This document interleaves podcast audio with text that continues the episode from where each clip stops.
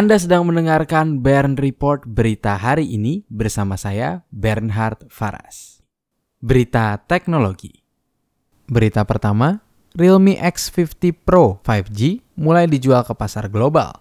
Realme X50 Pro 5G resmi di luar ke pasar global. Handphone tersebut mengusung layar seluas 6,44 inci Super AMOLED. Daya baterai pada ponsel ini sebesar 4200 mAh dan didukung pengisian daya cepat 65 watt. X50 Pro 5G memiliki empat kamera belakang yang terdiri dari kamera utama 64 megapiksel, kamera telefoto 12 megapiksel, kamera ultra wide 8 megapiksel, dan depth sensor 2 megapiksel.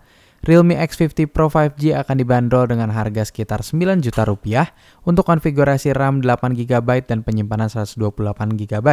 Kemudian, tipe RAM 8 GB dan penyimpanan 256 GB dihargai sekitar 10 juta rupiah. Dan untuk konfigurasi RAM 12 GB dan penyimpanan 256 GB akan dihargai sebesar 11,3 juta rupiah.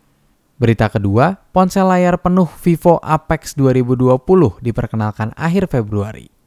Vivo awalnya dikabarkan bakal memperkenalkan ponsel Apex 2020 dalam ajang Mobile World Congress atau yang biasa disebut MWC 2020 di Spanyol. Tetapi rencana tersebut batal karena MWC batal digelar menyusul wabah virus corona. Dikabarkan Vivo Apex akan diperkenalkan pada hari Jumat 28 Februari 2020 lewat sebuah event yang digelar secara online.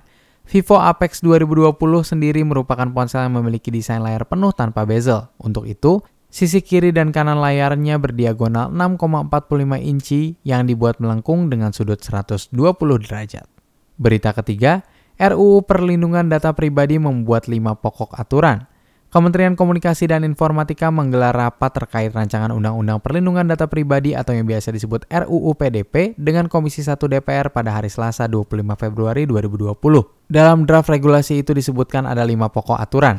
Yang pertama, proses pengumpulan data dilakukan secara terbatas dan spesifik, sah menurut hukum, patut, dan transparan. Kedua, pemrosesan data pribadi sesuai dengan tujuannya dilakukan secara akurat, lengkap, tidak menyesatkan, mutakhir, dan dapat dipertanggungjawabkan. Ketiga, pemrosesan data pribadi harus melindungi keamanan datanya dari pengaksesan, pengungkapan, dan pengubahan secara tidak sah, serta penyalahgunaan, perusakan, dan atau kehilangan data pribadi. Keempat, ketika terjadi kegagalan dalam perlindungan data pribadi, pengendalinya memberitahukan hal itu kepada pemiliknya pada kesempatan pertama. Kelima, Data pribadi wajib dimusnahkan dan atau dihapus setelah masa retensi berakhir atau berdasarkan permintaan pemilik data pribadi, kecuali ditentukan lain oleh peraturan perundang-undangan. Berita keempat, DPR minta lembaga khusus untuk cegah penyalahgunaan data oleh pemerintah.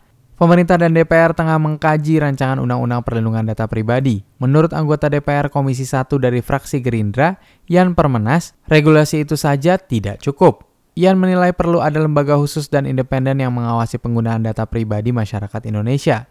Hal ini untuk mengantisipasi penyalahgunaan data oleh pemerintah. Berita kelima, Apple akan izinkan pengguna ganti aplikasi default pada iPhone. Apple diketahui akan mengizinkan pengguna untuk mengubah aplikasi default dalam sistem operasi iOS. Tidak hanya itu, Apple juga disebut akan memberikan izin kepada aplikasi streaming musik pihak ketiga seperti Spotify dan Pandora untuk dapat memainkan musik di speaker pintar HomePod milik Apple. Saat ini, HomePod hanya bisa memainkan musik dari aplikasi Apple Music. Langkah baru Apple ini dikabarkan akan dilakukan pada antar mukanya di versi iOS 14, namun Apple masih belum memberikan konfirmasinya lebih lanjut terkait hal ini. Berita ke-6, Telkomsel dan Excel mengalami gangguan jaringan. Pada hari Selasa 25 Januari 2020, jaringan operator telekomunikasi XL dan Telkomsel dikabarkan mengalami gangguan.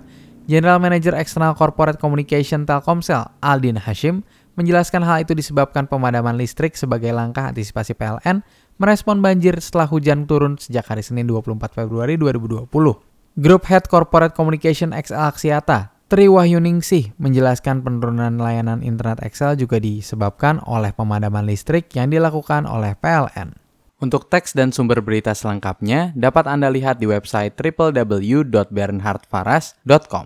Terima kasih sudah mendengarkan Bern Report berita hari ini. Jangan lupa untuk membagikan kanal ini kepada kerabat Anda, tekan tombol like dan subscribe untuk mendapatkan kabar terkini setiap pagi dari hari Senin hingga hari Jumat pada pukul 6.30 waktu Indonesia Barat. Saya Bernhard Faras pamit undur diri. Semangat selalu dalam menjalani hari ini.